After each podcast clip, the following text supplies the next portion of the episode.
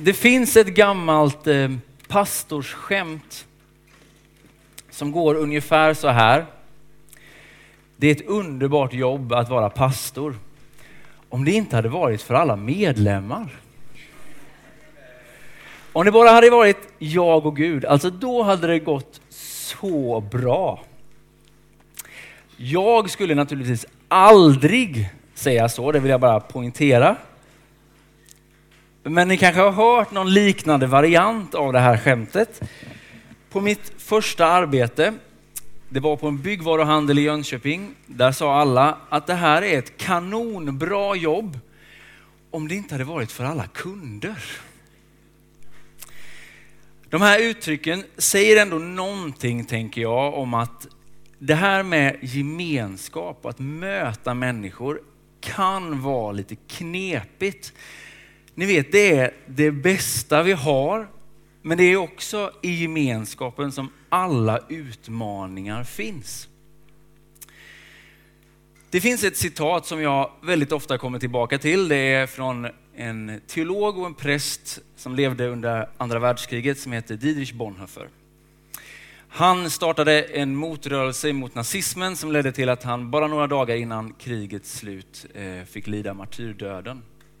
Men han skrev många bra böcker och han skrev en bok som heter Liv i gemenskap.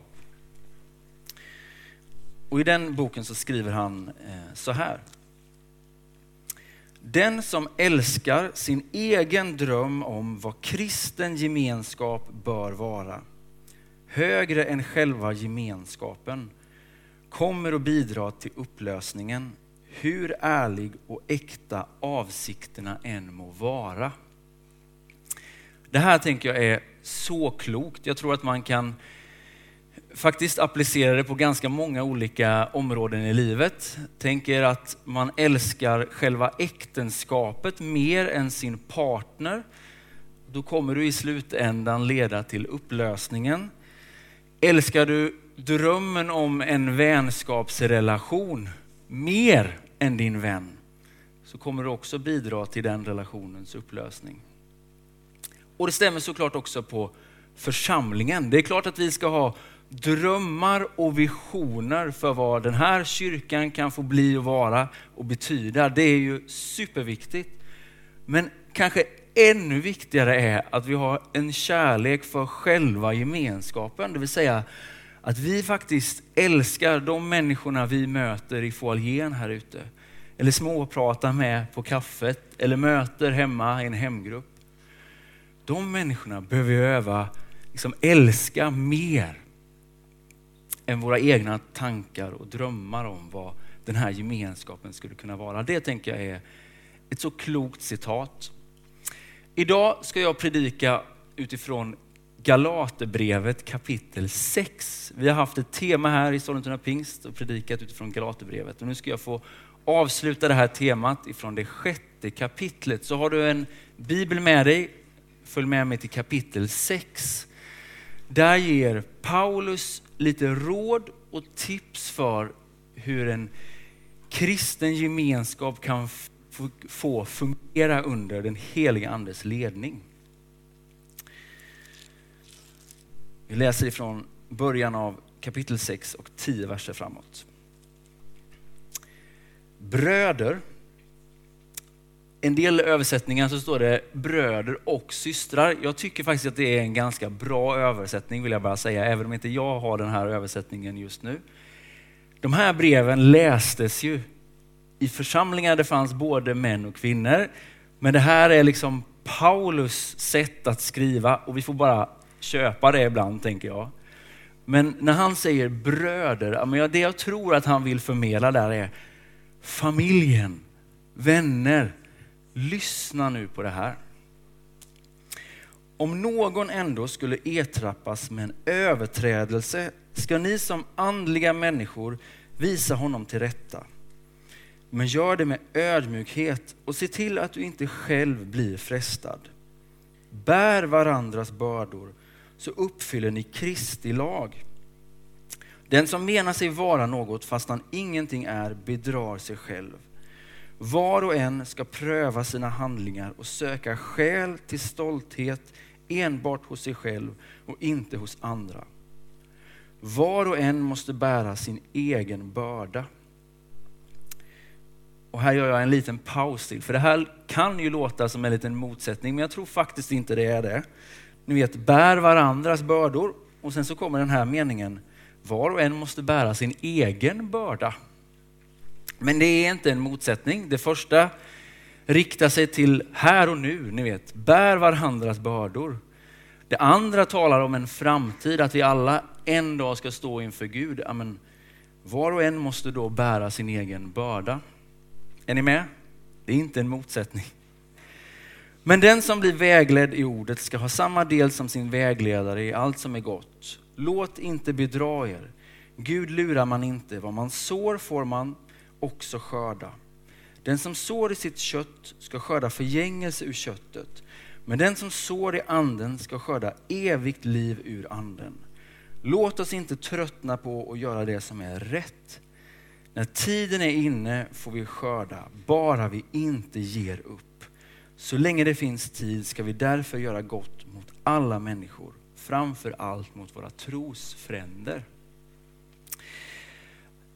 Vad är det Paulus ger här egentligen i de här verserna? Ja, men det är ju inte en uppsättning av nya regler. Han har ju precis talat om hur den heliga ande är en tillförlitlig hjälp och vägle, liksom vägvisare i det kristna livet. Han kan inte komma direkt efter och ge en ny lista på regler. Om det är en manual så vill jag bara säga, den är lite otydlig på exakt hur man ska agera.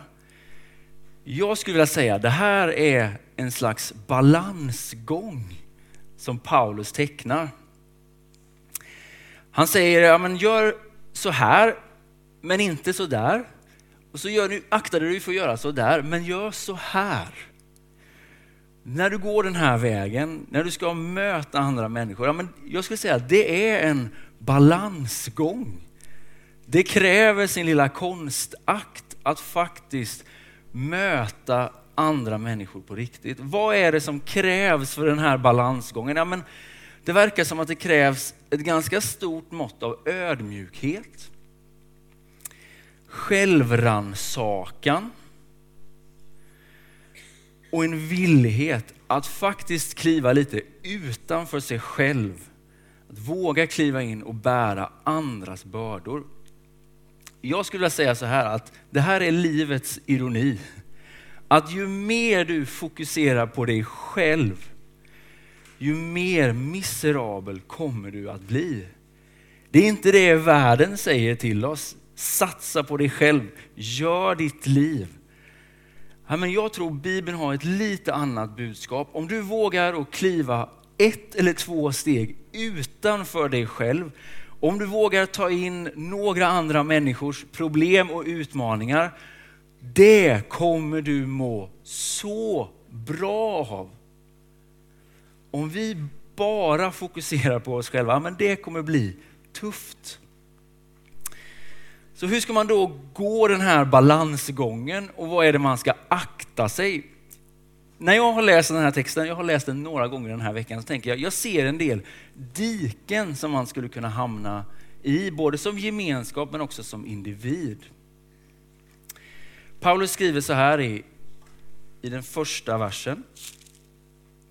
Om någon ändå skulle ertrappas med en överträdelse ska ni som andliga människor visa honom till rätta. Jag vet inte vad du tänker, men när jag läser det så känner jag att ja, det här skaver lite.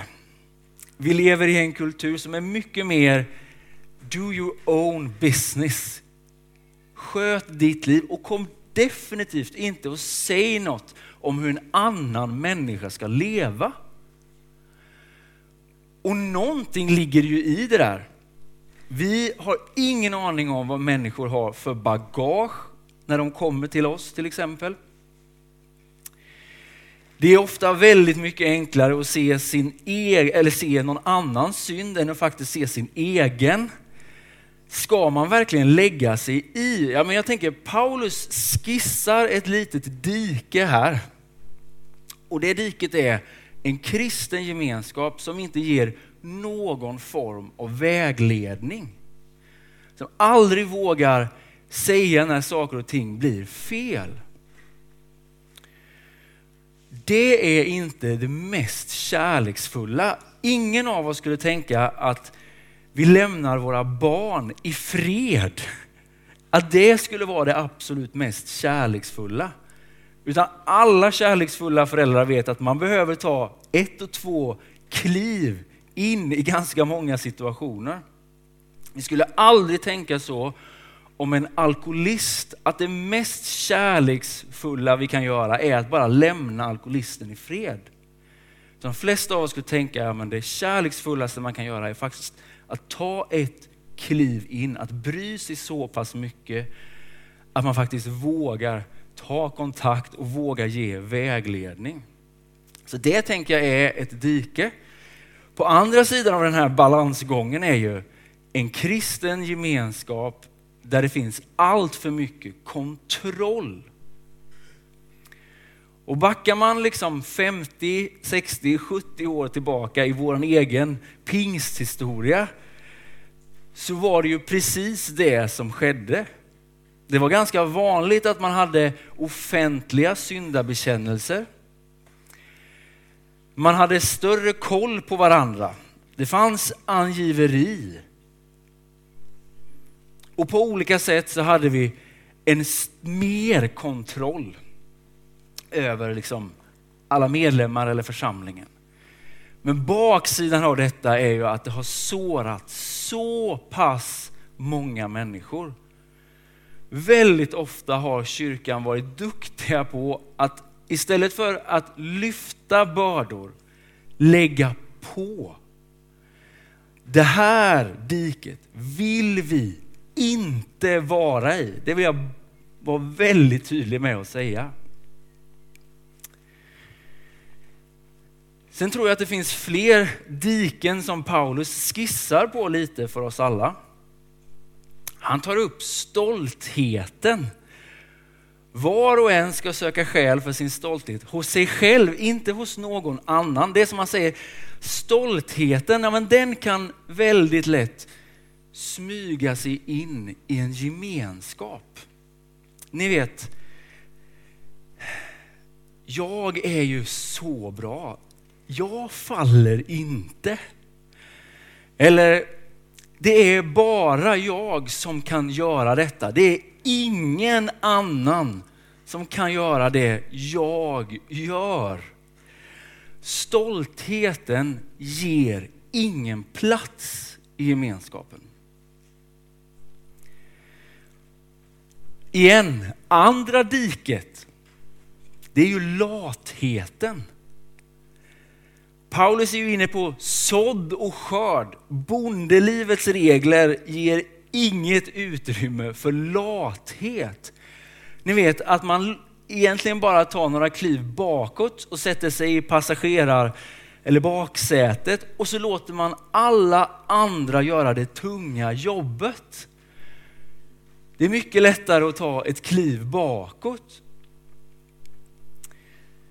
Om stoltheten inte ger någon plats så tar latheten ingen plats. Inget av det här ska vi syssla med egentligen. Så hur ser då liksom balansgången ut? Ja, men det verkar som att Paulus tycker att vi behöver ha ett ganska stort mått av ödmjukhet. Det är inte du som dömer. Det är upp till Gud att döma. Jag läste i några kommentarer till Galaterbrevet där det står att det här verbet att visa till rätta lika väl skulle kunna översättas med upprätta. Det ger en lite annan betoning på Paulus uppmaning, om det är så man också skulle kunna läsa det här bibelordet. Det vill säga att vår centrala uppgift är inte att hela tiden gå in och tillrättavisa. Risken är då att vi kommer med nya bördor på redan tunga axlar. Det centrala uppdraget du och jag har är att upprätta människor, då behöver vi ta ett och två kliv under det där tunga oket och lyfta upp. Är ni med? Det blir en viss skillnad kring hur man ser på det här uppdraget. Den som tänker att ja, jag ska in och tillrättavisa, är väldigt stor risk att man bränner människor, lägger nya bördor på redan tunga axlar. Det andra är självrannsakan. Det är ju så mycket enklare att se andra människors fel och missar än vad jag själv bidrar med och vad jag själv tappar och misslyckas med. Självrannsakan måste vara en naturlig del om den kristna gemenskapen ska fungera. Och vi ska fira nattvard om en stund. Det är precis ett sådant tillfälle att rannsaka sig själv, fundera över sina egna motiv. Sen tänker jag att om balansgången ska fungera så behöver vi ta ett och två kliv framåt. Det här liksom sociala spelet som jag talar om kan kännas otroligt självklart. Jag förstår det, men jag tänker det är någonting som vi inte automatiskt blir bättre och bättre. Jag tror ju att ju mer distraktioner vi har runt omkring oss, ju mer skärmar vi har, ju svårare har vi för det här sociala spelet. Att visa intresse, att titta någon i ögonen. Det är så, så viktigt. För en massa år sedan så var jag på en eh, jättehärlig gudstjänst i Afrika och hela predikan var du måste äta. Och då tänker ni att det säkert handlade om eh, att man var tvungen att äta andlig mat eller läsa Bibeln. Men det var inte det predikan handlade om, utan det handlade om att du måste äta mat. Och du måste äta nyttig mat. Som västerlänning tänker man, men det där är ju ganska självklart. Det är ingenting man behöver liksom predika om. Men ju mer jag tänker på det så tänker jag, det där var ju en fantastisk predikan. Det var ju ett problem som var verkligt för den här gruppen av människor. Och predikanten predikade rakt in i det problemet och den utmaningen som de hade i. Det här med gemenskap är en utmaning för oss lite stela skandinavier. Jag tänker vi skulle behöva skruva upp värmen två och tre steg till. Våga kliva in i lite fler situationer. Våga vara de som rätar upp krökta ryggar. Jag tror att det här är så, så viktigt. Och så avslutar då Paulus med det här fantastiska stycket om sådd och skörd. Jag ska bara läsa några verser så du har det färskt i minnet. Men den som sår i anden ska skörda evigt liv ur anden. Låt oss inte tröttna på att göra det som är rätt. När tiden är inne får vi skörda, bara vi inte ger upp. Så länge det finns tid ska vi därför göra gott mot alla människor, framför allt mot våra trosfränder. Det Paulus skissar på här, det är ju någon slags uppåtgående kurva, ni vet. Fortsätt att göra goda handlingar. Om du sår i anden, vad kommer det att resultera i? Ja, men det kommer att resultera i evigt liv. Snacka om en sån här exponentialfunktion. Fint ord. Det börjar lite lågt. I början känner man kanske inte att det gör sådär jättestor skillnad det man bidrar med eller det man gör. Men om man fortsätter att göra det där goda så är Paulus löfte här att det i sin tur kommer att bära frukt. Den där bönen du ber, den där goda handlingen som du gör, det där leendet mot grannen, kanske inte riktigt liksom känns som att det gör så stor skillnad när man är mitt i livet och tragglar på. Men om man fortsätter, ja, men då kommer den där handlingen, den kommer ju leda till flera handlingar. De där flera handlingarna, eller många handlingarna, de kommer ju leda i sin tur då till en vana. Den här vanan kommer efter ett tag bli din andra natur. Det kommer kännas naturligt för dig att göra detta. Och i slutändan så kommer det kulminera i evigt liv, i Kristuslikhet. Det finns en eh, neuropsykolog som heter Donald Hebb. Han har en liten teori som brukar kallas för Hebbs lag. Jag kan inte jättemycket om detta. Men teorin är så här att varje gång du tänker en tanke, eller teori, det är då vetenskap detta. Men varje gång du tänker en tanke så blir det lättare nästa gång att tänka samma tankar. Det är som att det blir upptrampade stigar i, liksom inne i din hjärna. Så om du fortsätter att göra bra saker, tänker goda tankar, så kommer det där vara liksom motorvägar i ditt huvud efter ett tag. Är ni med?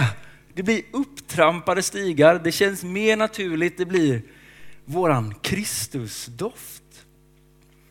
Så vem du än är, vad du än kommer med till den här gudstjänsten skulle jag vilja säga dig, fortsätt att göra det goda. Ge inte upp. Och ge inte upp på den kristna gemenskapen, på din lokala församling. Ja, det kan vara lite knöligt ibland. Det är det alltid när det handlar om människor. Men det är också helt fantastiskt. Det bästa vi har. Jag skulle vilja avsluta den här predikan innan ni somnar helt med ytterligare ett citat. För jag tycker det är en bra påminnelse detta. Det är från precis samma bok, samma författare som jag citerade i början av den här predikan. Han skriver så här, man glömmer lätt nog att kristen gemenskap är en nådegåva från Guds rike som när som helst kan tas ifrån oss. Därför bör var och en som ännu har förmånen att leva ett kristet liv gemensamt med andra prisa Gud av hela sitt hjärta, tacka Gud på sina bara knän och bekänna det är nåd att få leva i gemenskap med andra kristna. Vi ber. Herre, tack att det är nåd att få leva i gemenskap med dig och i gemenskap med andra människor, Herre. Jag ber att vi skulle få gå härifrån med en ny blick på dem vi möter, Herre. Hjälp oss Herre att se människor i ögonen. Hjälp oss att vara intresserade Herre. Hjälp oss att inte fastna allt för mycket i vårt eget så att vi bara springer förbi alla andra Herre. Jesus, låt de här fantastiska mötena Herre få ske under vår stund tillsammans Herre, under kyrkfikat, under veckan, veckorna som går och kommer Herre Jesus. Jag vill bara be om din välsignelse över vår gemenskap Herre. Tack att det är nåd att få vara tillsammans Herre, som ditt folk Herre. Tack att du vill leda oss på den här balansgången. Ingen av oss är perfekt. Vi trampar i klaveret och vi gör fel ofta Herre. Men jag tackar dig Herre att din heliga Ande också vilar över vår gemenskap Herre. Tack att du vill leda oss Herre på rätta vägar Herre efter ditt namns skull. I Jesu namn. Amen.